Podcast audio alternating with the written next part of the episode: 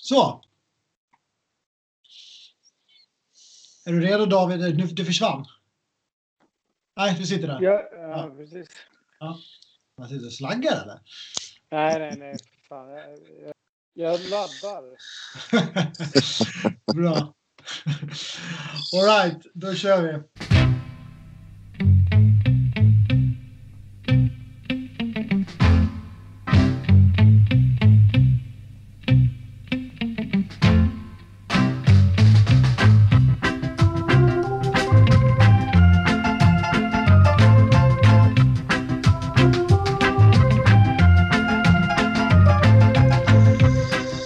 Välkomna till avsnitt 103 i Chelsea Supporters Swedens podd CSS-podden.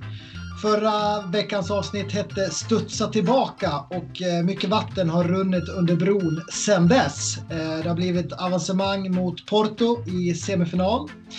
Kvartsfinal ska jag säga vi har avancerat mot City i FA-cupen och final väntar mot Leicester. Det blev kryss igår mot Brighton och ett litet steg tillbaka i den formtopp vi har sett. Samt såklart veckans snackis Europa Super League. Så vi har lite grann att ta tag i och eh, som ni hör är det inte jag, eh, är det inte Daniel som inleder programmet som det brukar vara utan det är jag, Mattias Byman, som brukar gästspela ibland. Daniel har fullt upp på annat håll och har bland annat varit drivande i den kommuniké eller upprop som de nordiska supporterklubbarna skickade ut igår till Chelsea Football Club. Hatten av för det Daniel och hatten av till alla supportrar som vi ska komma in på i programmet här lite senare som gjorde att eh, ESL då inte blev av.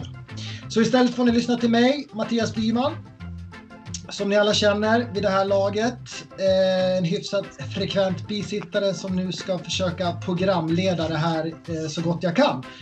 Och med mig har jag eh, två rutinerade lirare, kanske inte i CSS-poddsammanhang men eh, två stora profiler i eh, Chelsea-sammanhang tycker jag. En av dem är Stefan Riddervall eh, som jag eh, ofta kommunicerar med på Twitter men som jag aldrig fått förmånen att prata med. Så det ska bli väldigt roligt att eh, ha med dig här Stefan. Hur är läget med dig? Tack så mycket först och främst. Eh, väldigt kul att vara med. Det är, det är bara bra. Eh, väldigt nöjd med en del av gårdagen. Man, man är fortfarande lite grann på moln över det. Så det är bara fint. Mm. Kul! Och eh, den andra personen är då eh, David Fjell. Eh, en, eh, eller ska säga en, men känd från Eurotalk bland annat och eh, en god vän till mig. Som jag brukar spela mittback med faktiskt i ett eh, fotbollslag i division 6 här. Så jag tänkte att eh, du är stor Chelsea-supporter och eh, insatt i mångt och mycket. Så jag tyckte att det var väldigt intressant att ha med dig här när det skulle diskuteras Europa Super League bland annat som jag har gjort på Eurotalk. Hur, hur är det med dig? Eh, ja, men det är väl ganska bra tycker jag. Jag är väl eh, inte så förvånad över att, att det blev som det blev runt Superligan. Jag trodde väl liksom aldrig att det, var, att det, blev, att det skulle vara någonting som skulle bli av riktigt. Men eh, som vi konstaterat i Eurotalk så var det ett eh, bra stresstest för, eh, tycker jag, för supporterskapen runt omkring och eh, i det som man såg ifrån eh, runt Stamford Bridge och den manifestationen som, eh, som de blåa visade upp där så är man ju väldigt stolt att vara en Chelsea-supporter och vara del utav, eh, utav på något sätt den rörelsen som jag tycker på något sätt uttalar sig mycket mer än en än just Super League, utan det var ju att det var på något sätt markerat Chelsea till för the local community och att eh, Chelsea är, eh, ja, står för någonting som är väldigt mycket mer än bara pengar. Mm. Väldigt bra summerat tycker jag. Vi ska komma in på det, så vi säger varmt välkomna till avsnitt 103 av CSS-podden.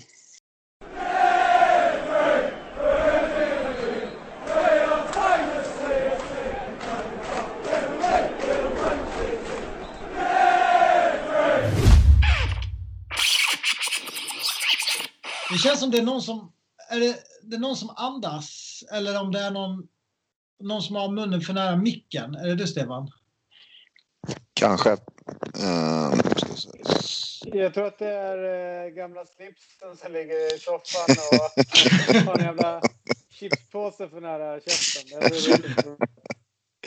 Det är, någon, det är någonting som, eh, alltså när David pratade nu så lät det som att någon andades högt. Låter det bättre nu? Ja, ja. nu låter det, ja, nu låter det bättre. Kan, kan vara, ligger med för, förkyld näsa. Jag förstår, förstår. ja, då kör vi. Um... Ja, Super League. Vad hände egentligen de eh, självaste timmarna igår och eh, spontant, vad är eh, känslorna? Du var lite inne på det David, kan du fortsätta ditt eh, hur, hur, hur, var känslorna igår när, när supportrarna samlades utanför Stamford Bridge och vi fick eh, eh, meddelandet att Chelsea kliver ur? Eh, jag blev inte förvånad över att Chelsea skulle kliva av. Eh, jag hade väldigt svårt att se att, att de skulle driva igenom det. Med det sagt så är ju Chelsea en klubbledning som inte är så, så direkt eh, styrda utav eh, känslor utan de är väldigt eh, pragmatiska och har väldigt hård kravställan. Men det känns ju som att Roman någonstans har fått upp en, eh, eller börjat förstå vad Chelsea är och vad Chelsea står för. Och han har ju växt in i sin roll som, som, eh, som ägare. Sen tycker jag att det finns någonting förmildrande i, i våran situation, kan jag tycka. Och, och det är ju att eh, om alla rapporter stämmer så är det ju att de andra eh, engelska lagen, minus vi och, och City, hade liksom redan gått ihop och gjort klart och sen så kom de till oss och, och liksom sa det att vill ni vara en, vara en del av det här liksom, nu går tåget och då hoppade Chelsea på. Jag tror inte det fanns någon liksom, större eh, analys och, och, det känns inte som att Chelsea var drivande i det. Med det sagt så var det fruktansvärt. Alltså det finns olika grader i helvetet. Chelsea var i helvetet, men det var inte lika varmt tycker jag som det var för Liverpool och Manchester United och i synnerhet Liverpool så är det på något sätt ett ännu större svek för att eh, Chelsea, eller Liverpool är ju en otroligt känslostyrd klubb på ett helt annat sätt än vad, än vad vi är i och med att de har varit med om, eh, om sina stökiga händelser utanför planen. Eh, och, och, och, där har det liksom byggts upp en, en form av eh, slagit an till, till det lokala på något sätt som vi har också en stark förankring, men kanske, ja, ni fattar, inte lika känslostyrda på det sättet. Så att, men eh, jävligt glad att, eh, att de fattade beslutet och var en av de första som hoppade av. Alltså, det, några få grejer som man liksom på något sätt kan, kan eh, gräva efter, men det, ja, det var sjukt, en sjuk grej. Helt mm. Ja, men verkligen. Vad eh, tänkte du, Stefan, när de första uppgifterna om eh, Europa Super League kom eh, när du inte visste då att vi skulle hoppa av? Besvikelse. Jag, jag tycker väl mig ha läst under, under tidens gång att Chelsea, precis som David säger, Chelsea har inte varit drivande i det och Chelsea har inte eh, har inte känt som en av klubbarna som haft en speciellt stor lust att vara med sen så blir det ju när det blir skarpt läge och man förstår hur många miljoner det man går miste om så, så har jag en viss förståelse för att man blir feg och man blir rädd att hamna för långt efter. Eh, med det sagt är jag ju nöjd över och För mig, för mig så är det liksom lite granna förlåtet i och med att man så snabbt vände och, och just känslan av att, att eh, att man, ja, att man inte var drivande i det, och att man faktiskt inte kanske verkligen ville utan, utan av, av feghet och rädsla hoppade på. Um, men, men när det kom så var det ju, man, man känner ju någon slags trötthet i, för att det har ju varit på väg mot något sånt eh, rätt länge. Eh, och, och det strider ju mot allting som, som man står för som, som idrottsintresserad och, och som någonting annat än en konsument. Ja, du är lite inne på det.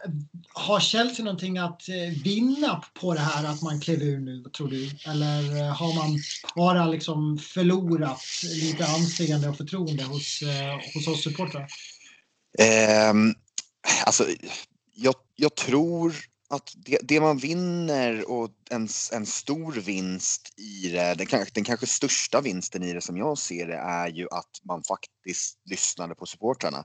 Eh, för det, det är ju en känsla som, som finns runt storklubbarna att framförallt storklubbarna som inte har 51 regeln att, att det spelar ingen roll vad vi säger, det spelar ingen roll vad vi gör, så kommer ägarna ändå ta egna beslut. Här blir någon slags, förhoppningsvis någon slags vändpunkt att man trots eh, ägarstyrda klubbar faktiskt har någonting att säga till om och, och, att de då väljer att lyssna gör ju jättemycket för engagemanget. Sen så är det klart att det, det blir någon slags, eh, någon skada skedd i och med att tankarna finns där och, och, och, eh, och man ändå faktiskt gick med. Eh, men, men för min del så så blir det liksom, ja, minst plus minus noll och jag är väldigt nöjd över att de faktiskt lyssnade. Mm. Problemet, får jag bara haka på? Ja. Ett problem jag, jag kan se med att Chelsea hakar på det här är att det finns ett visst mönster att klubben ganska ofta fattar beslut eh, som är direkt emot vad supporterna känner. Eh, Rafa Benites tillsättning till exempel är ju det är ju ett, ett hån och sen trots att vi fick ut eh, en titel på det så känns det ju som att så, det, eh, det skadar på något sätt mer eh, än, vad, än vad det ger, vad man får ut av det. Och, och det har de varit ganska, eh, ja men varit ganska hänsynslösa tycker jag i, i att eh, på något sätt stresstesta relationen som, som supporterna har med, med, med, med klubben. Och det känns ju som att de spelar an på det genom att fatta en del konstiga beslut. Mm. Ha, det var ju rätt häftiga scener eh, utanför Stamford Bridge. Du, eh, David, som har varit med länge och eh, även eh, haft årskort på Stamford Bridge och sådär. Har du varit med om någonting eh, liknande förut? Eh, ja, men det, det är väl klart när, när titlar har firats och sådana saker så har det varit en, en sån stämning.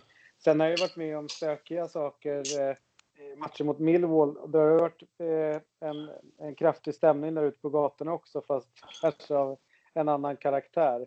Men eh, nej, inte, inte sådana här protestaktioner tycker jag väl eh, direkt. Det var väl någonting när Roman fick för sig att vi skulle ut till eh, Ealing och spela vår fotboll. Då vet jag att det var lite protestaktioner eh, och så. Men där finns ju alltid Chelsea Pitch Owner som förhoppningsvis en garant. Men då, då vet jag att det var lite prote protester där nere. Men inte så här mangrant och framförallt inte att det är eh, olika supporter. Man såg ju att det var folk som kom dit med Manchester City-tröjor och Liverpool-tröjor på och sådana saker. Och det fanns något enande i, i det eh, runt, runt fotbollen. Mm, ja, men verkligen. Vad fint att se. Hur tror, ni, hur tror ni framtiden ser ut då, Stefan, om vi börjar med dig? Eh, efter det här, kommer vi få se någon förändring eller kommer, det liksom, kommer fotbollen löpa på som vanligt, tror du? Alltså, jag, jag, både ja och nej till... Alltså, pengarna styr fortfarande och jag menar det, det, Uefa har ju varit jätteduktiga på att måla ut sig själva som, som the good guys när det är så fruktansvärt långt ifrån sanningen att den är inte bättre än den som, som de här tolv klubbarna har målat upp knappt. Ehm, och, och deras, deras ambitioner och Fifas ambitioner och menar, de här klubbarnas ambitioner oavsett vad de sitter och, och säger i, i tårfyllda meddelanden på Instagram så är deras ambitioner fortfarande alltid att tjäna mer pengar. Um, det som för mig har, har varit, blir den stora grejen är ju att supportrarnas eh, liksom protester och de protesterna runt om eh, runt om i, ja men framförallt i, i Europa men, men även runt om i världen att, att det spelar roll och att engagemanget från supportrarnas håll kommer öka gentemot fotbolls-EM i Qatar, gentemot ja, men, alla de här grejerna som, som alla rätt universellt hatar. Eh, men som man kanske känner att, äh, vad fan ska vi göra någonting åt det för? Det, det, ingenting händer ändå. Där tror jag att vi kan få eh, liksom mer högljudda supportrar, vilket jag tror kan, kan, eh, kan öka förändringen på, på fler saker. Mm. Jag, jag, jag tycker att du kanske är lite för idealistisk där. Jag tror tyvärr inte det kommer bli några förändringar förrän eh, man förrän det börjar kännas i plånböckerna hos, hos klubbarna. Alltså den dagen supportrarna börjar bojkotta eh, ja, bojkotta matcher, bojkotta souvenirer, souvenirer alltså visa med plånboken. Det är väl ändå sättet som jag tror att man skulle kunna få en förändring. Om vi är så jävla missnöjda med, med Qatar-VM och, och vi verkligen menar allvar, ja, men då ska vi inte kolla på det ens. Alltså, det, det är på den nivån egentligen. Så att så länge de som styr ser att det spelar ingen roll vad som händer, de kan fortsätta snurra på eh, och, och, vi fortsätter kolla så, så kommer det ju tyvärr inte förändras så jävla mycket. Jag menar, Kina är inte så jävla mycket bättre idag än det var 2008 när det var OS där. Men anledningen till att OS var där var ju för att allting skulle bli så mycket bättre för kineserna om vi, om vi hade ett OS där. Så att, jag vet inte, jag, jag, tror att man måste på något sätt eh, markera på ett annat sätt eh, och inte hoppas att det kommer bli en förändring. Det är ju korrupta snubbar som sitter där och, och det som har vunnit nu över Super, Super League är ju Uefa och Uefa är ju det är ju smuts på riktigt, de och, de och Fifa. Så att eh, fotboll har ju väldigt, alltså det vi har cementerat på något sätt, det är ju det som är nu. Och det är också en orättvis fotbollsvärld om vi ska hårdra det. Eh, och mm. som, som har en... Eh, alla kan säga så här, ja men alla kan tävla på lika villkor. Ja, Bayern München har nio raka och liknande. PSG vinner nästan alla år i sin liga. I Spanien vet vi vilka som kommer vinna varje år. Eh, det är liknande lag som går långt i, i Europa eller i, i Champions League och så kanske det var något år någonting annat förändrats. Det skulle vara intressant om det, man på något sätt kunde hitta fler regler eller begränsningar som gjorde att man på något sätt försökte jämna ut åtminstone så att, eh, ja men, där man kanske på något sätt hittade en, ett, ett system där fotbollen blev lite jämnare och lite mer oförutsägbar än vad det är idag. Och hur gör man det då? Med ett eh, lönetak eller? Eh, Nej, det tror jag inte. Men jag tror eh, liksom att eh, om man tänker att eh, eh Champions League är ett lag för mästarlag, men då ska man ju bereda plats för mästarlagen in i turneringen. Eh, och om folk tycker att det är tråkigt Ja, så be it liksom. Vadå tråkigt? Vad är tråk vilka är tråkiga lag? Det är lag som har tagit sig dit. Och om man vill ha, ge fler platser och möjligheter till de stora lagen eh, eller stora ligorna, då får väl de på något sätt hitta ett sätt att kvala in på sin planhalva. Men inte på bekostnad av att det ska bli en jättelång väg för Sverige att ta sig in eller danska lag eller eh, eh, som ändå man får säga vad man vill. Intresset byggs av att eh, ett svenskt lag får, får, mäta sina krafter mot ett stort lag och, och, att drömmen finns där. Det gör ju också att, att Champions League som turnering blir mycket större och blir mer mytomspunnen om alla känner att den är nåbar på något sätt. Det kanske inte är realistiskt att vi vinner, men vi ska vara en del utav det och på så sätt bygga liksom drömmen om Champions League och drömmen att någon gång kunna gå riktigt, riktigt långt. Men om det blir eh, fler och fler stora lag som gör upp om det, ja men då är det ju en, en superlig, en superliga fast den är egentligen kontrollerad utav Uefa så att huvudmannen är egentligen annorlunda. Eh, men eh, alltså, det jag far efter det är väl att man inte ska söka de sexiga lagen utan principer att eh, det kanske är så att om vi ska kvala så kommer vi inte ställa oss emot ett lag från toppligan utan vi kvalar mot lag i våran, på våran nivå. På samma sätt som i VM så får vi ju så kallade blåbärsnationer som Island och, och Sverige och, och, Norge. De får vara med och spela där men det är väldigt få av dem som går och vinner sen.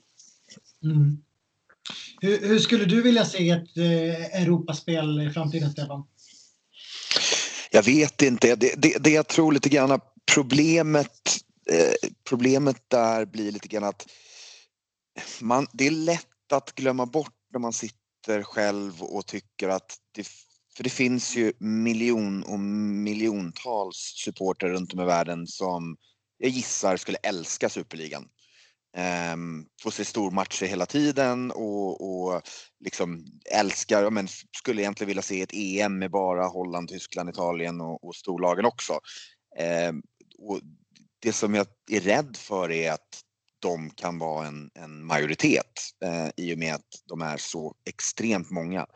Eh, så där jag tror att det är svårt att få till en, en rättvis Champions League eh, där mindre nationers klubbar får vara med och hålla intresset uppe därför att intresset runt om i världen för de mindre klubbarna finns inte. Eh, men ursäkta, Tyvärr. Nu, jag, jag, jag, vänder mig och värjer mig nästan mot det där. Därför att här, fotboll spelas ju inte för att de stora klubbarna ska göras upp, utan man måste spela utifrån vissa principer. Och om principen är att Uefa, alltså eh, den konfederationen där Sverige är en del utav det, har en mästerskapsturnering. Varför ska det då vara eh, mer problematiskt att ett svenskt lag kliver in eller har en resa in som mästarlag eh, än att, eh, eh att eh, England har det. Alltså någonstans så tycker jag väl att man på något sätt ska försöka få in de här lagen i eh, alltså mästarlagen för utav rättviseskäl. Alltså det, det är så, de är, det är mästerskapsturnering. Sen kanske inte vi fyller på med fler svenska lag.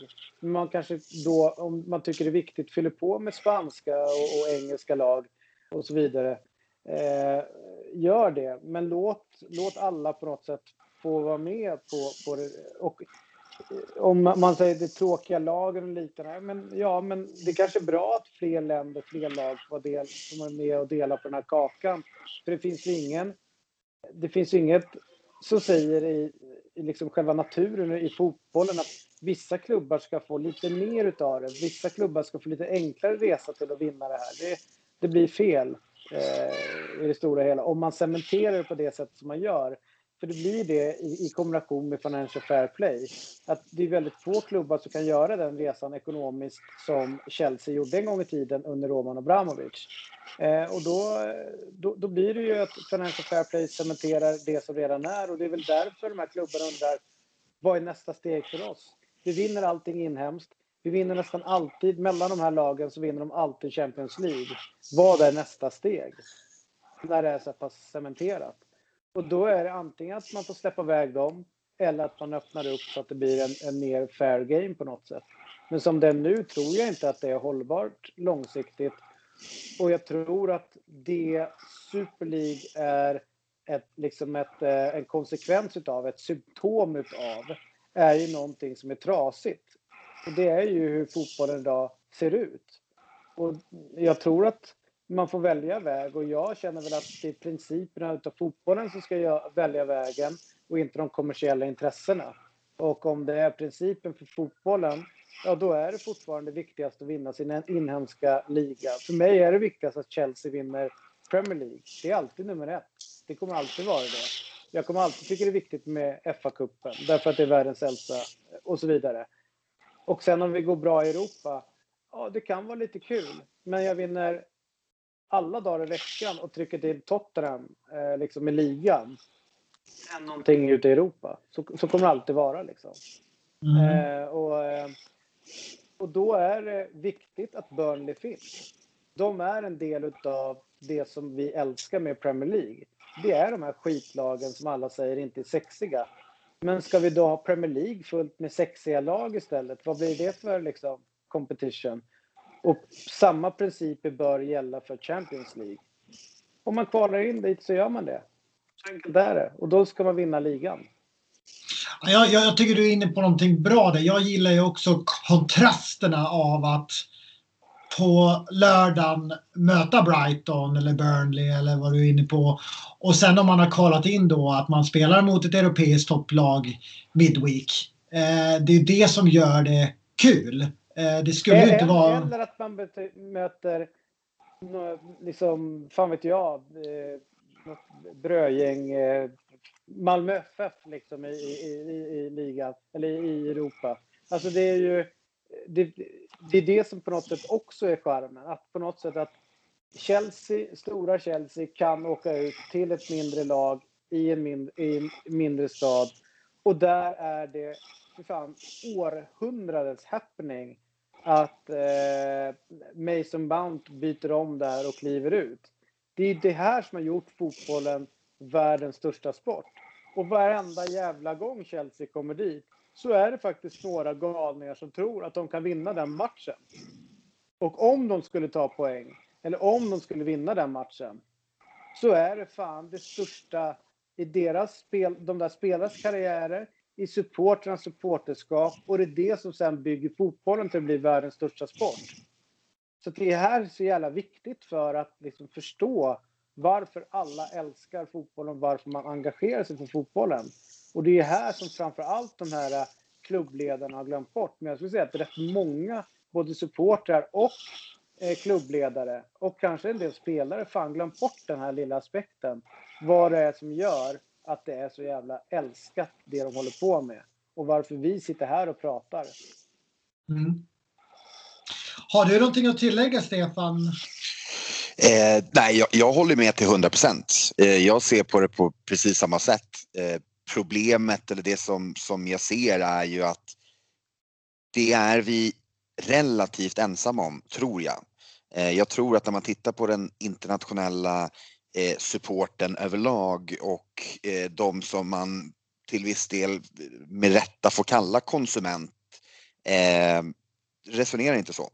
Tyvärr. Jag tror att, att det, det, inte finns tillräckligt med, med, intresse och så länge det är pengarna som styr eh, så kommer stormatcherna att prioriteras och det kommer, rättvisan kommer inte prioriteras. Utan det kommer vara det som drar in mest pengar och det kommer aldrig vara MFF mot Chelsea utan det kommer vara Real Madrid mot, mot Chelsea. Eh, tyvärr. Ja, och, och, det, ehm. och det, jag är helt enig med det, men frågan är hur ofta måste vi bli exponerade för de toppmatcherna? Alltså om det, om det skulle vara så att man Eh, ja, men nu är det ju långt fram och då är det en semifinal. Det är då de här två lagen går upp mot varandra. Men om det skulle bli att det skulle hända allt för ofta, att vi skulle få de här toppmötena mot varandra, då blir det urvattnat till slut. Även fast då är det inte värt ett skit. Se, nej, och det är det, det, är det inte liksom de här uh, styrande riktigt förstår när de håller på att styra om det. Jag menar, om vi då tar en parallell sport som både du och jag känner till, eh, Stefan, det är ju hockeyn och vad som hände med Stockholmshockeyn när, när de bestämde sig för att göra de här derbygrupperna. Från att gå från två derbyn per år eh, mot varandra. Det var liksom, de var ju så högoktaniga alltså att man visste liksom inte ens vad... Eh, jag menar, kommer den här jävla Globen implodera? Vad fan kommer hända där inne i, i den där kulan? Alltså det var ju så jävla hett. Till att det gjorde att man möttes fem gånger per år. Det blev ju liksom helt urvattnat. Till slut blev man så här ja, det var halvfullt. Det var som vilken jävla lunkmatch som helst i, i serien. Och då, då, liksom, då blev det bara fel. Och det där dog det liksom. Så att jag tror att man ska vara riktigt försiktig med det här. Men jag tror en grej kan hända med det här om man skulle liksom titta, blicka framåt och inte fastna i själva liksom, eh, den där superligan. Så jag, jag tror det fan muttra och mullra lite grann borta på öarna det är ju, nu ser de hur illa det är när de har ägandeskapet där en person till 100% äger klubbarna. 51% regeln börjar dyka upp nu. Och de börjar också prata om, ganska stolt om sin engelska fotboll. Och på något sätt så tror jag att den här pendeln kanske slår, slår tillbaka. Att de, de inser att eh, de kan inte vrida det kommersiella spåret hur långt som helst. Och förhoppningsvis kanske blir det motrörelse i det här där Eh, de lyssnar mer på, på supporterna och eh, kanske inte blir så överkommersiella eh, som, de, som de egentligen vill bli. Eh, och eventuellt så är väl en, en annan eh, konsekvens av det här med tanke på att det är ett skrik på, på finansiell hjälp från en del av klubbarna. Att eh, om, eh, om ersättningarna går ner, eh, både vad gäller till dem, alltså alla inom inom sporten vad det gäller ersättningar till eh, agenter och spelare och, och så vidare så, så tror jag väl kanske att på sikt om det blir en sån utveckling att även priserna för att konsumera och titta på fotbollen, både som att köpa rättigheter men även att köpa livematcher kan gå ner. Eh, det är väl en, en möjlig utveckling om, om det blir så som, som de far efter England. Mm. Spännande. Vi får se hur framtiden ser ut. Vi lämnar eh, Super League för nu och eh, ger oss in i eh, matchen mot Real Madrid.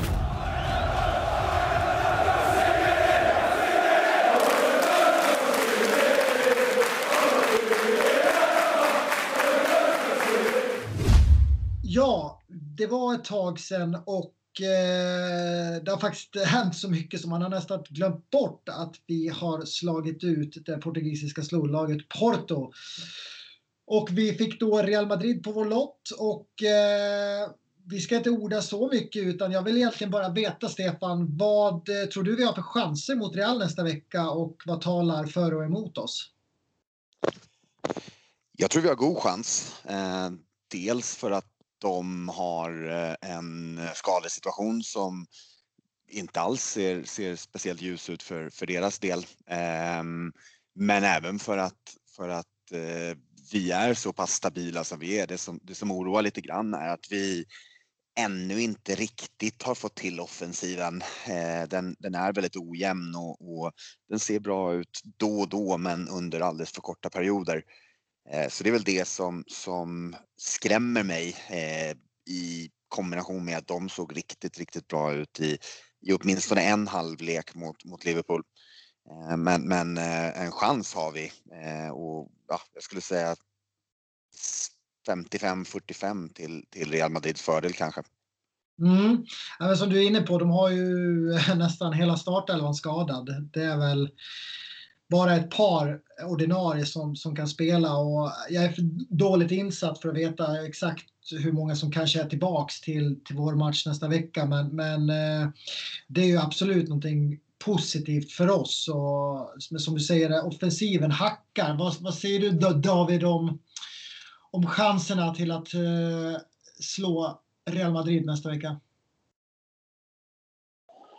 Alltså, jag tror ju dessvärre att eh, sättet som Thomas eh, vill spela fotboll, att vi ska hålla alltså, rätt, rätt mycket bollinnehav. Eh, det, sett till hur de, vad de gjorde med Barcelona i deras omställningar så, så är jag lite orolig för det, just den delen. Nu vet jag att vi har en väldigt snabb eh, trea där bak. Eh, och att vi, att det är klart att han är medveten om det, men det är väl någonting som jag är lite orolig för. Sen så är det klart att jag också eh, delar din uppfattning där Stefan om vår offensiv, att vi inte riktigt har fått igång den. Jag tycker att det är konstigt att inte Tammy Abraham har fått fler chanser eh, under Thomas Torssell när det är ett sätt, eh, på ett sätt som gör att vi inte eh, får igång det. Eh, och om, om eh, den som i så fall ska gå in är väl Kai Havertz. Det är väl den som jag då tycker är rimlig att ha som, som nummer nio. Eh, Pulisic, eh, nej, jag är inte såld där om, om man tänker just i den, i den matchen. Eh, men men eh, ja, som sagt var, jag är inte helt hundra på att Real Madrid passar så bra. Jag skulle säga att de är, är eh, större favoriter än så. Jag skulle nog kunna kasta upp en 65-35. Även om de har så många skador som hade den här veckan? Eh, deras skadeproblematik tror jag är kommer lösa sig. Eh, det är väl eventuellt defensivt eh, mittbackspositionen där. Eh, men där tycker jag Militao har kommit in och, gjort det väldigt bra och ser väl att de nog kan lösa det. Titta istället på vad de har så, ja, Luka Modric. Mm. Bara börja där. Han är helt fantastisk. Vinicius är ju flygande form. Eh, Benzema är jag nästan hundra på att de kommer få igång. Är ju också hur bra som helst. Så att det där är ett, eh, jag skulle säga att det är ett, ett ja, precis hur bra lag som helst. Eh, och eh, vi måste upp väldigt, väldigt många nivåer för att kunna hota dem. Eh, I synnerhet efter det jag såg mot Brighton som inte var direkt övertygande. Dock så vet jag att det var under extrema omständigheter den matchen spelades. Mm. Eh, då säger David Havertz och jag antar att du säger Mount och eh, du vill inte se Pulisic. Hur vill du se offensiven Stefan? Vilka har du, har du saknat Abraham eller vem vill du se framåt? Ja, det har jag definitivt och fram, vad jag framförallt inte förstår är varför vi sitter med två vänsterbackar på bänken och Tammy Abraham på läktaren. Eh, I och med att det inte har kommit ut några liksom, rapporter om att det ska ha hänt någonting vad jag förstår, han ska vara frisk, så har jag jättesvårt att förstå och jättesvårt att acceptera att man, att man, man väljer. För det, det är ändå en spelare som, som är någon slags blandning mellan djupled och, och target. Eh, och jag tror att, en, att han hade passat bra i, i matchen mot Brighton exempelvis. Eh, med sin, sin, liksom, sin hunger. Eh, den hade vi behövt i, i, i den matchen. Eh, att åtminstone någon visade det och det, det gör ju alltid Tammy i och med att han är eh, målkåt som det så fint heter. Eh, så att jag hade inte valt Tammy i och med att han inte har spelat på så länge eh, utan jag hade nog gått på, på ehm, eh, Kai Havertz mot, mot eh, Real Madrid eh, och tillsammans med Mason Mount och förmodligen Pulisic även fast jag inte tycker att han har varit speciellt bra. Ehm, jag vill se mer av, av Hudson Odoi där. Mm. Vad eh, jag eh, jag eh, skulle ju, jag tror ju att vi kommer få ett, ett helt del omställningsspel. Så jag skulle nog faktiskt också vilja se Timo Werner på planen. Jag tycker ändå att han tillför någonting i de här Europamatcherna som har varit, när, när vi, speciellt när vi möter bättre lag som vågar kliva. det är skillnad när vi möter sämre lag som, som igår mot Brighton när det blir liksom tjockt. Men jag, jag tycker Timo Werner tillför någonting förutom att han inte gör mål då, så tycker jag att han är ganska bra eh, i sådana här eh, matcher, måste jag säga. Om vi... Jag, jag, håller med. Jag håller med om Werner, absolut. Eh, och jag tycker att han eh, har fått egentligen rätt mycket kritik i vissa matcher som inte jag kan, kan dela. Ja, han, eh, precis som du säger, kanske att han inte gjort målen.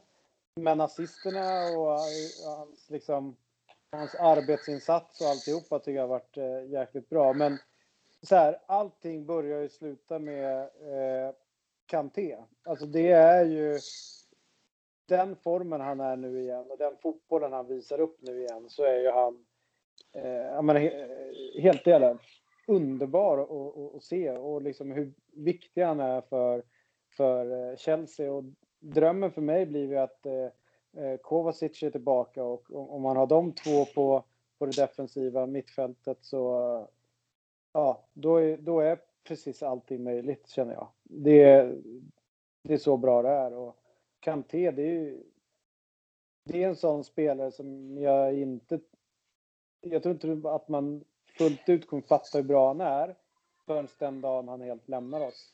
Alltså, när vi har varit bra de senaste åren och verkligen flygit, då är ju han katalysatorn. Han är ju liksom oljan, han är maskineriet, han är, han är liksom överallt. Eh, och han är, men ändå ingen som riktigt ser honom. Så det är ju, ja, det är nog helt, helt magiskt. Ja, jag håller med. Det, det, det har verkligen eh, hänt någonting sedan han kom tillbaks och eh, speciellt nu under Thomas Tuchels ledning så har ju han verkligen lyft, lyft laget och eh, de matcherna han inte har varit med så har man ju verkligen märkt det. Stefan, om du får plocka ut din så, starkaste elva, hur ser den ut mot eh, Real Madrid? Den landar nog i... Jag är framförallt inne på exakt samma sak. Eh, så jag börjar med, med mittfältet. Jag Kovacic och, och Kanté. Ehm, och sen så en Mason Mount där framför. Jag tror att de tre eh, behövs med deras arbetsinsatser för att, för att stressa och pressa och göra livet jobbigt för, för Modric och, och, och Kroos. Eh, sen så är det eh, Reece James, eh, Aspelekueta, Thiago Silva och eh, Rudiger som får fortsätta. Jag hade spelat eh, Chilwell för Alonso alla dagar i veckan. Ehm, och sen så, jag håller med faktiskt med, med, med Werner.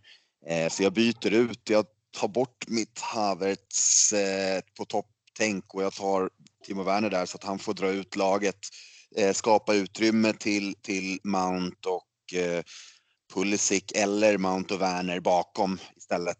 Eh, för, för jag håller med, hans arbetsinsats och, och, och, det han gör i, utan boll gör, skapar mycket ytor till, till spelarna bakom.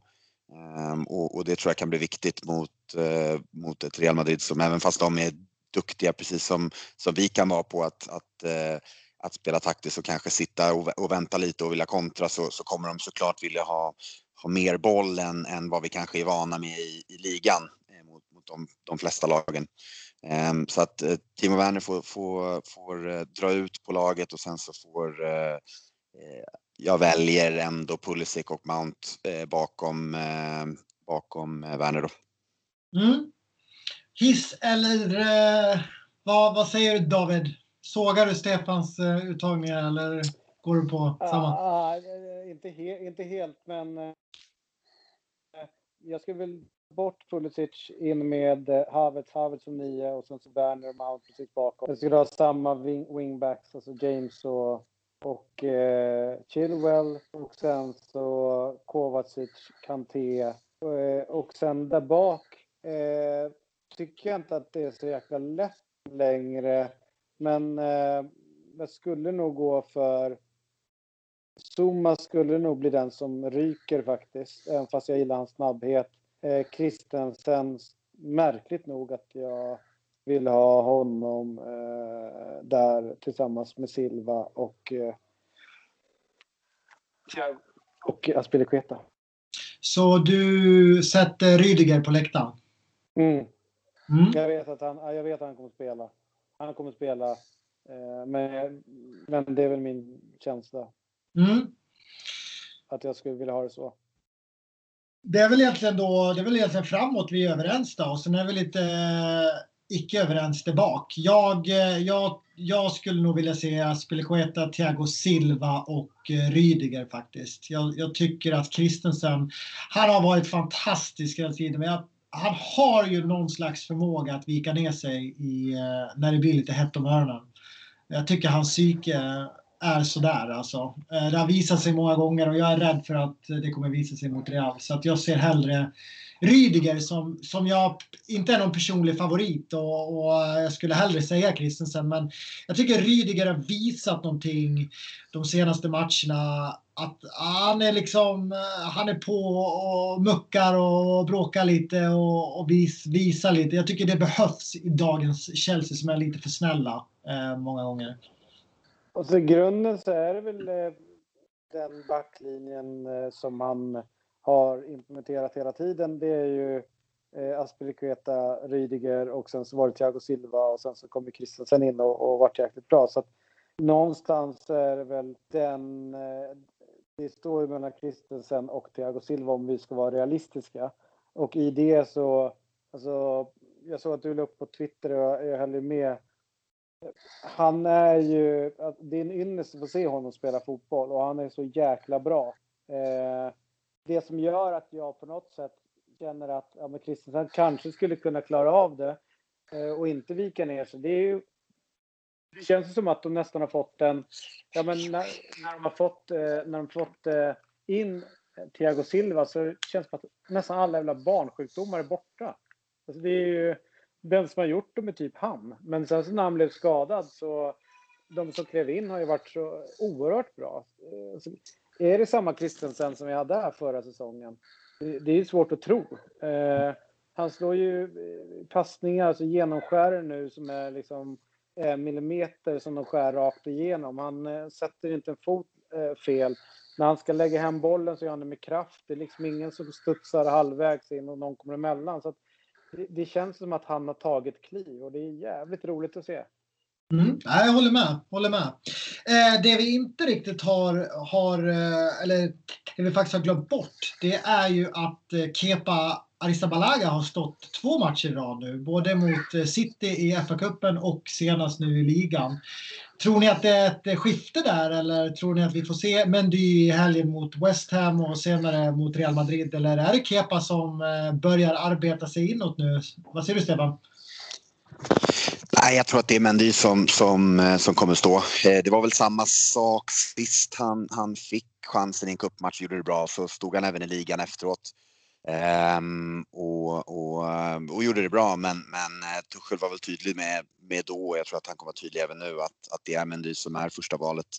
Uh, sen är det väldigt kul att, han, att, han, uh, att det går bra för honom. Det har varit ja, man har ju tyckt synd om honom uh, som, som situationen har varit och, och som han har spelat.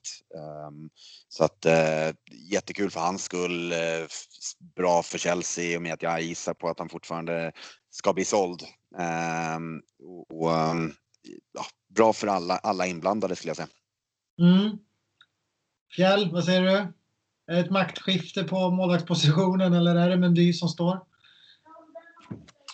Eh, ja, men det enkla svaret är ju att det är Mendy som står och precis utav de anledningar som Stefan är inne på. Eh, däremot så har jag fått en känsla av när jag sett honom eh, både mot Brighton och sen så eh, mot West Ham. Alltså, det, det, känns som att vi har fått tillbaka den målvakten som vi, vi hade ett tag. Alltså att han är så pass stabil och bra nu. Eh, det är ett skott tror jag, mot Brighton, lågt, en snubbe rusar på retur. Det är inte helt lätt att hålla det liksom. När Kepa var eh, den märkliga Kepa som dök upp helt plötsligt och darrig, ja men då hade han lämnat retur där. Nu sitter ju den hur lätt som helst.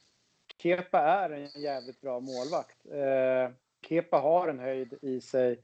Eh, jag skulle tycka det var kul eh, om han fick chansen ytterligare nu, för att jag tycker att han ser bra ut. Eh, och eh, ja, jag, jag håller honom, jag skattar honom högt faktiskt. Eh, men eh, ja, kör på Kepa säger jag. Du vill alltså se Kepa Arrizabalaga som första keeper framöver i vår? Eh, jag har väldigt svårt att förhålla mig till alla som pratar om att just målvaktsposition positionen ska vara konkurrensutsatt. Eh, de här är ju elitidrottsmän. Jag tycker på samma sätt, alltså fan Stefan Riddervall är med oss här. Gammal målvakt i hockeyn. I hockeyn, då kan en målvakt få på en sekund en eh, tränare som säger hoppa in, stå. Eh, man byter målvakter oftare så. Det är klart att det måste situation. Den bästa målvakten, eh, de, de tränar med varandra varje dag. Eh, de känner varandra i matchspel. De har spelat så många matcher tillsammans. Så det ska inte vara något problem att, eh, att de ska förhålla sig eh, Eh, till varandra på ett eller annat sätt med, med den andra målvakten. För att de själva byter ut den här trean framför sig hela tiden. Så att, eh, att målvaktspositionen skulle vara den enda på planen där man inte går efter form, det, det tycker jag är jättekonstigt. Och om det är så att Kepa har bäst form nu, då ska han stå. Om Mendy har det, då ska han stå. Men min känsla just nu är att jag tycker att Kepa ser väldigt trygg och bra ut och jag skulle nog eh, inte vara helt jätteledsen om, om de körde på honom. Mm, spännande. Det där är ju verkligen en eh, åsikt som sticker ut tror jag i och med att eh, Kepa har fått så otroligt mycket skit och var dåligt. Men jag håller med, han har ju gjort det väldigt bra de matcherna. Jag tror att han har sex raka matcher hålla nollan nu eller något sånt där när han har fått chansen. Med det sagt så har ju inte Mendy heller varit speciellt dålig så att det är ju det är fantastiskt att ha två bra målvakter och som Stefan är inne på lite grann att det är väl, det är väl fantastiskt för alla att Kepa också kommer igång i och med att vi kanske då ska sälja honom eller så kanske det är så rent ut sagt att eh, Thomas Tuchel gillar i någonting han ser Framförallt så har ju Kepa bättre fötter än vad Mendy har. Så att bygga ett spel ifrån målvakten och framåt, då är det ju Kepa som ska stå helt klart. Då, då, då eh, han, som sagt, hans fötter är betydligt starkare. Så att, eh, ja, vad säger du om eh, det, Stefan? Kepa istället för Mendy framöver? Um, nja, nej, nej. Eh, jag, eh, jag värderar ju spelet i luften så mycket. Eh, jag, jag saknar inte människan Thibaut Courtois för fem öre. Däremot har jag saknat eh, luftspelsmålvakten Thibaut Courtois eh, väldigt mycket. Eh, och, och, det tycker jag känns som en trygghet. Nu är inte Mendy trots sin längd fantastisk i luften. Eh, men eh, han är klart mycket bättre än, än Kepa och har en annan pondus. Och det för mig är viktigt för att jag ska slippa få hjärtinfarkt när jag tittar på matcherna. Um, så ur, ur rent ego, egoistiskt syfte så, så väljer jag Mendy. Mm. Jag, jag, håller, jag håller med dig om luftspelet alla dagar i veckan. Uh, och om man bara skulle gå på den aspekten eller att man absolut vill säkra det så tycker jag det är, givet. Sen är ju Mendy inte dålig och det är väl när jag säger kepa så är det jordens jävla gambling. Men och, och, jag tror ju som sagt var att, att Mendy kommer vara den som, den som står. Men jag tycker också att Mendy har haft en ganska körig säsong. Att han inte, när han kom så var det så här wow, shit vad givet det här ser ut. Har han stått här i tio år? Alltså, han är så trygg. Nollorna rullar in som de ska. Eh, målvaktsspelet är som det ska. Han tar allt som han ska och lite till. Men är inte känns att det blev lite darrigt sen? Att man inte har samma förtroende för honom som där och då? Ja, men jag tycker just det är det här eh, med hans fötter, tycker jag. Att det ställer till. I och med att vi vill bygga vårt spel eh, från honom och framåt och Tuchel vill ha liksom sitt, eh, att, att vi ska spela oss ur pressen. Eh, då tycker jag att det, det blir ju alltid någon situation per match där det blir jävligt skakigt om man sätter liksom eh, om man har en öl eller kaffe eller vad man nu har i, i handen så, så blir man är ju man hickar ju till någon, någon gång per match för att han är så jäkla osäker på fötterna. Så i det fallet så är ju Kepa betydligt mycket bättre.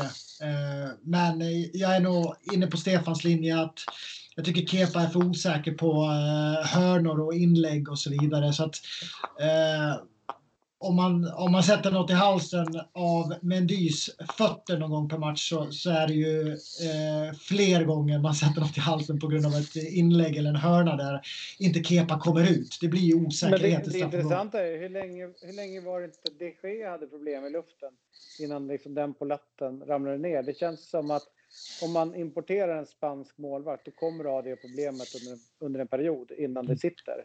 Eh, och, och det, det, liksom den ja, jag tror att det enda sättet man kan lära honom är ju att, att spela honom. Eh, och, och, nu har det varit så jävla jobbiga situationer med covid, då de kan inte få matchträning på det sättet som de vill för, för eh, reservlaget. Eh, så att det har liksom varit jobbigt för alla inblandade. Men, men eh, känslan som jag får när man ser honom, hur han uppträder, det är inte samma flackande blick, samma osäkerhet. Och det coola är ju rapporterna från, från Cobham är ju att han aldrig har klagat, han har aldrig gnällt, han har varit superprofessionell hela tiden och han verkligen kör. Så att det, det finns ju så mycket som man verkligen älskar med Kepa. Han är ju på något sätt eh, 20-talets Udicini på det sättet att mm. eh, det, är, det är någon man verkligen vill och önskar all jävla lycka och, och framgång. Liksom. Och och alla visste ju att Cudicini var världens bästa målvakt. Sen fick han ju chansen så visade han att han var världens bästa målvakt.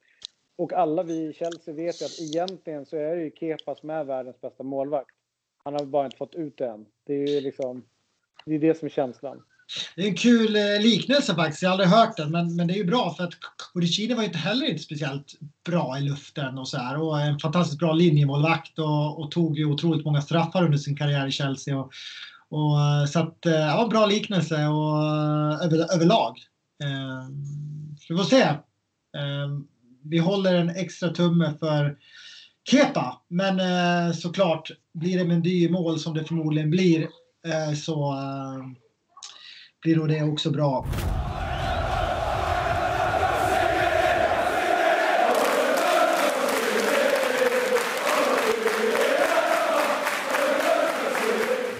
Det blev mycket Super League, det blev mycket Champions League och det blev mycket målvaktssnack. Eh, vi ska ta och eh, ge oss in i poddens sista ämne och eh, jag tänkte först att vi skulle diskutera lite FA-cup också. Där Pep eh, roterade bort sig säger många men eh, jag tycker att Chelsea var riktigt bra i den matchen och eh, jag tror vi hade vunnit oavsett om han hade roterat på målvaktspositionen och liknande. Eh, vi är vidare till fa Cup-final där vi ställs mot Leicester.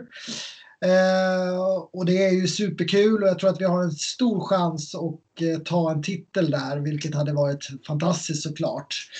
Men vi ska inte surra så mycket City tänkte jag, utan vi ska gå vidare till matchen som var igår och den lilla pyspunkan som blev mot Brighton och vad som komma skall mot West Ham.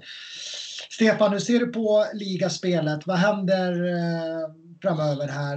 Hur ser du på matchen igår och vad har du för förhoppningar inför helgens match mot West Ham som blir ju en eh, sexpoängsmatch, verkligen? Ja, verkligen. Eh, det, jag var sjukt besviken igår. Ehm, jag fick känslan av känslan att man såg allting som hände utanför Stamford Bridge som ett störningsmoment eh, och att man hade svårt att Eh, att man hade svårt att, att, liksom, att tagga till och fokusera när snacket hela tiden var vi saknar fansen på läktaren. Men nu fick ni en liten, liksom, ett smakprov på liksom, känslorna och trycket. Och jag tog för givet när jag såg allting att det skulle få se ett sånt jävla påslag i Chelsea. Och sen är det det där vi får se. Eh, som var, jag vet inte vad det var, fine trötta från City, fine mycket som händer utanför, det påverkar och det fattar jag också men jag, jag hade liksom tagit ut det i förskott att det skulle vara att vi skulle vara så påkopplade, att vi skulle liksom visa att, att ja men fan, vi fick se precis innan matchen hur mycket det här betyder för, för supportrarna och liksom att, man, att man hittar motivationen där. Sen så Tuchel säger att vi har pratat superligan, det var svårt att fokusera på matchen. Jag hade, jag hade skitsvårt att acceptera det och jag var jätteförbannad igår. För vi har kastat bort poäng nu mot Leeds, vi har kastat bort poäng mot, mot eh, West Bromwich, mot, mot Brighton där, där det ska vara tre poäng och, och det är för dåligt med, med tanke på vilka lag vi har kvar i, i, eh, i, i ligan för att, för att nå Champions League nästa år. Eh, så att jättebesviken på, på Brighton-matchen. Vad säger du, vad säger du Fjäll? Att jag inte riktigt delar Stefans uppfattning, förutom att i, i, landar också i extrem besvikelse. Min besvikelse börjar också med eh, klubb, klubbens styrelse och eh, de som styr klubben. Eh, att ge sitt lag absolut sämsta förutsättningarna när det är den viktigaste perioden på säsongen gjorde mig så jävla förbannad. Och jag lider med spelarna och jag lider med tränaren och jag lider med alla de som fick stå och fejsa allt det här. Eh, vad jag förstår, liksom, som build-up till det hela så är spelarna liksom har jävla yttre tryck på sig att komma med svar, stå upp för det som är rätt. Eh, vad är det som händer? Folk ringer. Eh, vad är det som händer? Vet du vad som kommer hända här? Eh, Whatsapp-grupper som bara liksom eldas på i telefonerna. Eh, där det är okej, okay, kom, kommer vi bli utkastade? Bara massa frågetecken och rykten och sådana saker. Mitt i det här ska de försöka förbereda sig för match och till slut så blev det liksom topplocket som gick. Liksom, de sitter i en buss, de vet inte om de ska komma in på arenan. Hur länge ska vi sitta här? Det går en halvtimme, det går 45 minuter och sen börjar det rulla men de får liksom inga svar någonstans ifrån. Att sen komma in då och, och, och prestera när egentligen huvudet är så långt ifrån någon annanstans som den måste vara för de här skilja enbart på klubbledningen. Så att om vi skulle missa Champions League så är det klubbledningens fel. De har inte gett vårt lag de bästa förutsättningarna för att vinna den här matchen. De har gett de absolut sämsta förutsättningarna.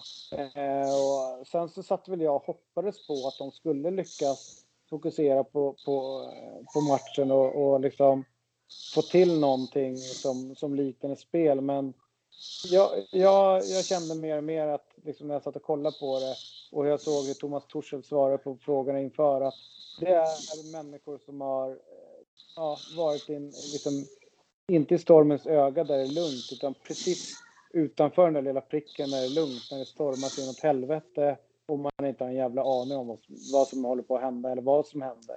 Och alla vill ha svar. Eh, och nej, så den här Bruce Buck, jag säger det igen, far åt helvete liksom. Mm, jag, såg, eh, jag såg att eh, Chelseas eh, Supporter Trust eh, gick rykten om att de ville få Bruce Buck eh, avsatt här eh, i dagarna. Och, eh, det känns väl rimligt efter det här i och med att eh, de flesta klubbarna som har varit inblandade i det här har ju på något sätt också ställt sådana krav på sina ägare eller eh, eh, representanter i, i ledningen. Så att eh, mm, vi får se vad som händer där. Vad tror ni om, eh, tror ni att det blir en sån här eh, eh, trampolineffekt nu som det blev när vi förlorade mot West Bromwich? Att vi gör en, en riktigt bra match i helgen, Stefan. Vad, vad har du för förhoppningar inför West Ham? Jo, men det tror jag. Eh, jag tror att, att eh, när det här har lagt sig. Det, jag, jag, jag är helt, nästan helt med David. Jag, jag fattar, jag vet hur det är att, att försöka prestera när det stormar både i ens privatliv och, och eh, även runt klubben när, när det är konkurskrav på klubben man spelar i och man vet inte vad som händer. Eh, det jag tycker är att jag tycker inte att, att WhatsApp-gruppar och att sånt att det är en, då får man logga ut. Då får man stänga av eh, internet för, för matchdag och, och fokusera på det. Sen att det är kaos runt bussen, det, det, men, men jag tror att man kommer kunna hitta, eh, hitta motivationen, hitta lugn och ro att kunna fokusera igen. Eh, och framförallt så tror jag att sättet som West Ham spelar på kommer kunna passa oss ganska bra i att vi kommer bli tvingade att, att eh, trissa upp tempot och, och tvingas att, att göra en bra insats för de är faktiskt riktigt bra just nu. Um, och det ska bli en intressant match. Viktig, viktig match. Ja, oerhört viktig match. Det som talar för oss är ju att eh, Declan Rice och Antonio eh, är borta. Eh, och i synnerhet Declan Rice frånvaro gör ju ganska mycket. Cresswell tror jag också kan vara frånvarande i den här matchen. Det som tar emot oss är ju att om man tänker efter, West Ham borta, Fulham borta.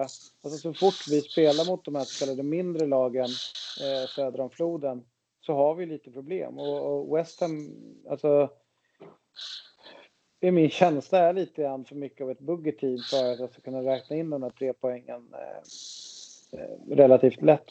Men som det egentligen borde vara. Men eh, frånvaron av de i synnerhet de två spelarna, kanske tre spelarna i West Ham, gör väl att de ser lite mer sårbara ut nu. Eh, där de är lite sämre på att få, få sin offensiv att funka. Sen är det ju numera då namnet då Messi Lingard. Han verkar göra mål på allt. Eh, så det är ju den liksom hur man ska hantera honom eh, och den positionen. Känns det som att Reece James återigen då måste kliva ut och spela, spela fotboll igen och att Spilicueta får, får kliva ut där. Och vi börjar slita ganska mycket på våra spelare eh, vecka ut och vecka in. Och sen har vi Real Madrid i veckan. Så det blir ju en intressant rotationsfundering här givet att det är så pass mycket som står på spel i båda matcherna. Mm. Eh, och ja, ja, och sen offensivt, jag delar uppfattningen att vi kommer säkert vara extremt bollförande, de kommer ligga lågt. Eh, Giroud, jag hatar att jag säger det, men ge honom chansen nu då. Eh, att, att vara där inne i boxen eh, och, och, och, finnas på plats. Eh, hade hellre sett att Tammy, Tammy Abraham hade fått eh, den chansen. Eh, men kanske Giroud från start. Eh, känns som att Kai Havertz måste spela den här matchen också. Eh, så att, och i, i grunden en match som passar dåligt för eh, Timo Werner med tanke på att de andra kommer ligga lågt och kanske bättre att spara honom då till matchen mot eh, Real Madrid eh, längre fram. Så det är ett superintressant läge med, med digniteten utav de här två matcherna och eh, den rotationen som man ändå måste hantera. Ja, det, jag har skrivit det. Hur, hur prioriterar Tuchel? Liksom det, det är klart att man prioriterar en semifinal i Champions League mot Real Madrid. Men det är också klart att man måste prioritera den här sexpoängsmatchen mot West Ham. Och han sa ju också i presskonferensen efter Brighton att eh, eh spelarna var ganska trötta efter Champions League och eh, FA Cup-semifinalen mot City. Han hade spelat i princip samma elva de två matcherna och sen att han behövde rotera lite grann igår mot Brighton.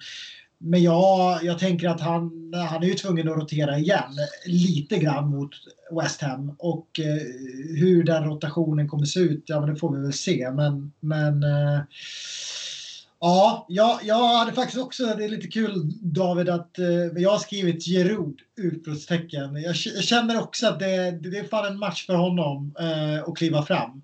Han brukar ju kliva fram när det väl gäller och, och eh, det kanske är hans, eh, hans match där. Vad säger du Stefan? Nej, jag tror också det. Eh, jag tror att, att eh, det, det är väl också ett sätt när, när, spelet hackar lite grann att det finns en, en, en solid punkt att utgå ifrån längst fram. Ehm, där, där ja, men, man kan skicka, hackar spelet kan man skicka in ett inlägg i alla fall. Ehm, och, och vet att Tuchel kanske inte tänker fotboll precis som, som, som jag när det gäller så. Men, men eh, jag tror att det kan ge en liten trygghet att ha honom längst fram. Det, det är en rutinerad spelare också. Eh, sen så tror jag generellt när, när det kommer till rotationen så hade jag valt att jag hade valt att spela full elva mot, mot West Ham eh, och se lite grann hur det ser ut sen. Eh, för, för som vi var inne på, jag delar ju helt Davids eh, Eh, åsikt att det, det, är ligan som kommer först eh, för mig. Sen är det en semifinal mot Real Madrid i Champions League och det tror jag, det löser sig. Eh, där hittar man energi, det är inga problem alls. Eh, det, det, tror jag. Jag tror att spela full elva mot, mot West Ham och, och är det rätt elva spela samma mot Real Madrid. Hittar de inte energin där så, så blir jag väldigt förvånad. Um, utan jag, jag, tror att det är väl snarare då matchen efter det som, som, uh, som rotation kan, kan behövas ännu mer. Mm. Plus att det är för uh, Chelsea som klubb och, och liksom självbilden. De sparkade ju Lampard för att säkra Champions League. Det var ju liksom på något sätt det viktiga. Eh, och om Torshäll inte lyckas med det, då har ju man egentligen då sparkat Lampard förgäves, om man ska hårdra det. Eh, så att ja, jag delar fullständigt din eh, uppfattning att de måste prioritera ligan. Det enda sättet de kan garantera Champions League-spel nästa år, det kommer att topp 4. Att ta sig till Champions League-final i år vore svinroligt. Eh, att möta Real Madrid i semifinalen är också skitkul. Men det garanterar ingenting inför nästa säsong. Så att det är ju de ligamatcherna är eh, sånt jävla fokus på nu framöver och delar helt din uppfattning att bästa laget ska spela. Eh, och jag tror att han kommer bedöma att Giroud är en spelare som är en del av det bästa laget sett till hur West Ham, eh, West Ham spelar. För att de har ändå sagt att Giroud är en viktig spelare för Chelsea och att han kommer få sina chanser. Och det är väl perfekt i, i en sån här match, tänker jag. Mm. Ja, men absolut. Och, och, och, det finns ju faktiskt spelare som, som inte har figurerat lika frekvent i startelvan som faktiskt har mycket att bidra med. Jag tänker på uh, Hudson Odoi, uh, jag, jag, tänker på Ziyech uh, och så vidare. De kan ju omöjligt vara slitna. Så att uh, sådana offensiva pjäser har ju verkligen chansen nu att kliva fram också och visa att de ska vara med här under våren.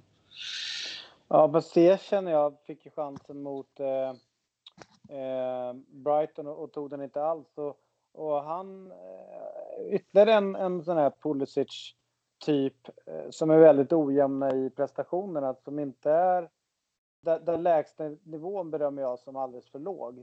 Eh, men däremot så är högsta nivån helt fantastisk. Eh, och sen kanske det är Lex De Bruyne eller Salah att de är unga fortfarande, relativt unga och fortfarande då söker en, en, en, form av jämnhet i, i sitt spel. Å andra sidan så Mason Mount ändå har jämnhet hela tiden. Eh, och då, då kanske det är att de inte har den lägsta nivån nog för att vara spelare som man eh, kanske ska ha i Chelsea långsiktigt. Jag, jag, vet inte, men jag tycker att det bör eh, vara åtminstone några frågetecken eh, bakom Eh, kanske både bakom Pulisic och Ziyech eller kanske mer bakom den ena. Men jag, jag ser inte som att Ziyech kommer vara eh, en lösning mot till exempel West Ham eller, eller Real Madrid. Det, det är min känsla. Utan att han nog får finna sig vara bänkspelare där. Mm. Hörni, eh, vi ska ta och eh, runda av. Vi ska bara ta ett par eh, lyssnarfrågor som vi har fått på Twitter. Vi har lite snabba svar här så vi rundar av. Eh, Albin Bauer skriver, man känner att hela supporterskapet har fått sig en törn. Hjälp mig att vända detta. Hur känner ni? Är det liksom från och med West Ham-matchen nu framöver så är det liksom bara full fart framåt eller känner ni att, eh, att eh, ah, det här skaver lite grann? Hur känner du Stefan? Nej, jag känner tvärtom faktiskt. Eh, däremot eh, litar jag inte på Chelsea på samma sätt som innan kanske. Eh, men, men supporterskapet och, och, eh, och liksom känslan för våra, våra engelska kollegor eller, eller jämlikar eh, som, som liksom har tagit tag i det här och även liksom vi, vi i Sverige och i Norden och, och, runt om i världen som har faktiskt gjort en, en, tagit en action mot det här så, så känner jag mig, jag känner en mycket starkare gemenskap Ehm, som Chelsea community typ. Eh, däremot ja, förstår jag vad han menar med att det har tagit en törn mot, mot klubben. Eh, men, men ändå betydligt mindre än vad det hade kunnat vara. Mm. Vad säger du David? Du har tryckt på mute.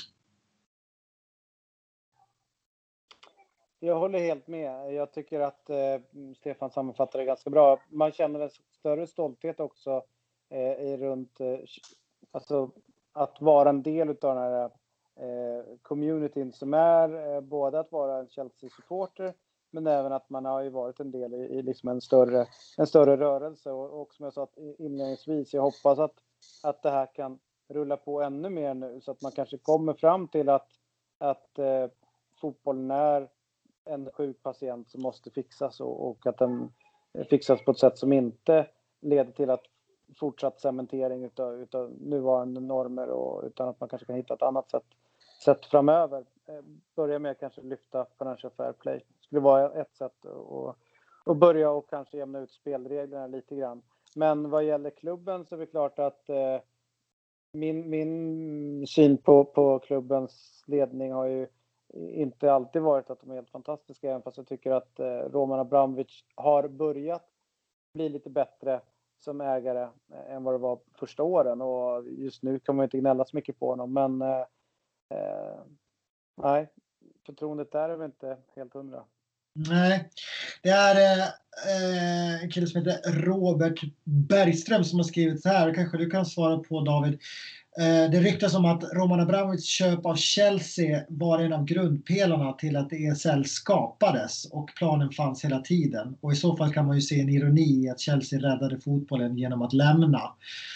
Tror du att, att det här liksom superliga funnits i, i Romans plan hela tiden eller eh, tror du att det bara är nonsens?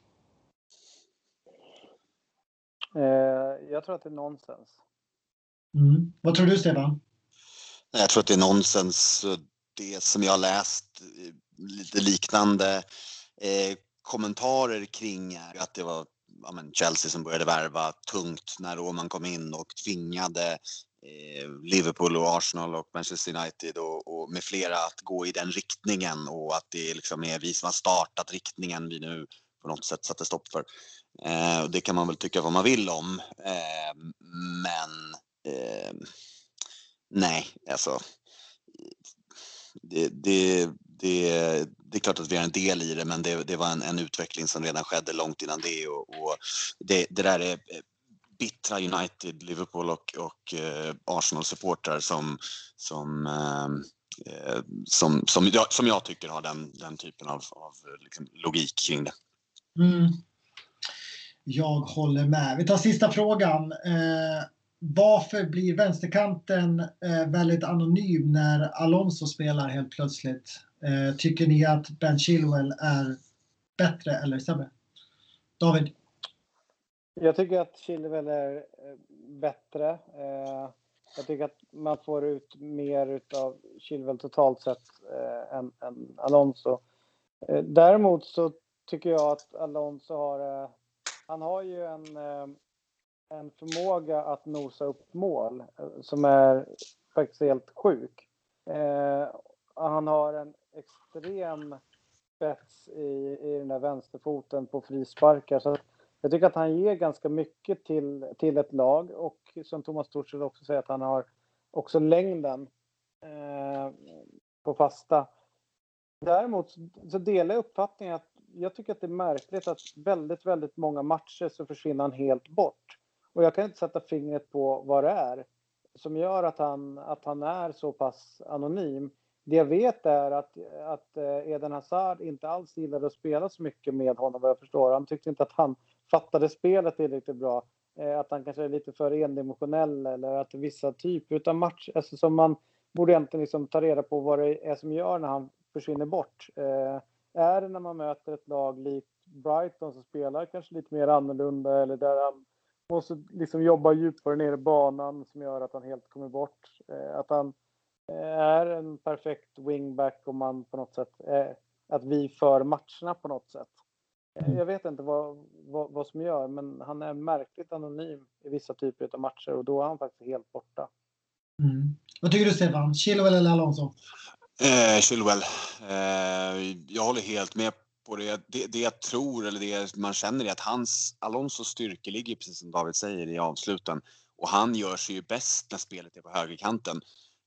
Um, om det då är att man medvetet placerar spelet på högerkanten för att, för att få ut det så innebär det ju att, att, att eh, den som spelar vänsterytter kommer att hamna lite grann lite utanför. Mm. Ehm, så det, min, min simpla analys av det, sen är han för, för bekväm. Ehm, han, han, det är lite, lite för bekvämt hela tiden vilket gör att han, han eh, hamnar i tidsnöd och han skapar, ska, gör att, att, eh, att, eh, att medspelarna hamnar i tidsnöd också. Vilket ju såklart inte, inte underlättar för, för, för dem.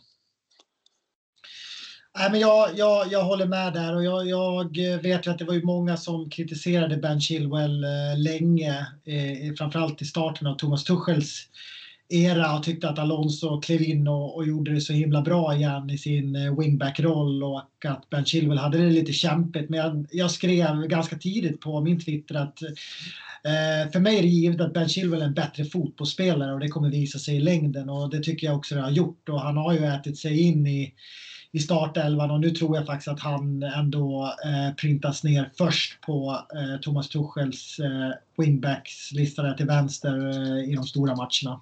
Men det är väl bra att det går att rotera ändå. Eh, är Alonso ett namn för West Ham och Chilwell ett, ett namn för Real Madrid? Eh, sista, sista frågan där. Vad säger du David? Eh, inget jag tänkt på. Och eh, sorry Chilwell för, jaha, vänta. Eh, Cresswell till, till Real Madrid, sa du det? Nej, nu har du somnat i soffan nu tror jag. Eh, ja. Nej, jag sa, jag sa är i form av rotationen nu framöver. Är Alonso ja. ett bra namn för att spela mot West Ham och Chilwell mot Real eller vill du se Chilwell i båda matcherna? Jaha, nej. Eh, I båda matcherna. Chilwell i båda. Stefan? Alltså, det, det skriker. Giro, Giro och Alonso mot West Ham, det skriker ju två mål på dem ju. Eh, ja, att de, de två avgör de mest utskällda. Eh, så att, eh, men, men kvalitetsmässigt Chilwell givetvis. Men jag har någon, någon sån här sjuk känsla vad det gäller Alonso mot just West Ham. Mm. Tanken är ju fin där också, tänker jag nu när jag börjar fundera lite grann mer på det. Men det är ju att om West Ham ligger lågt där och håller på så är det ju den där vänsterfoten som kanske kan få tid att eh, piska in den där på, på Giroux huvud. Så att, eh, det är en fin tanke, även fast jag tycker nog att Chilwell kan väl också piska in den där med sin vänsterfot till Giroux. Bara någon gör det, bara vi gör mål, bara vi vinner den där hela matchen. Så är nöjd. Verkligen. Så är det.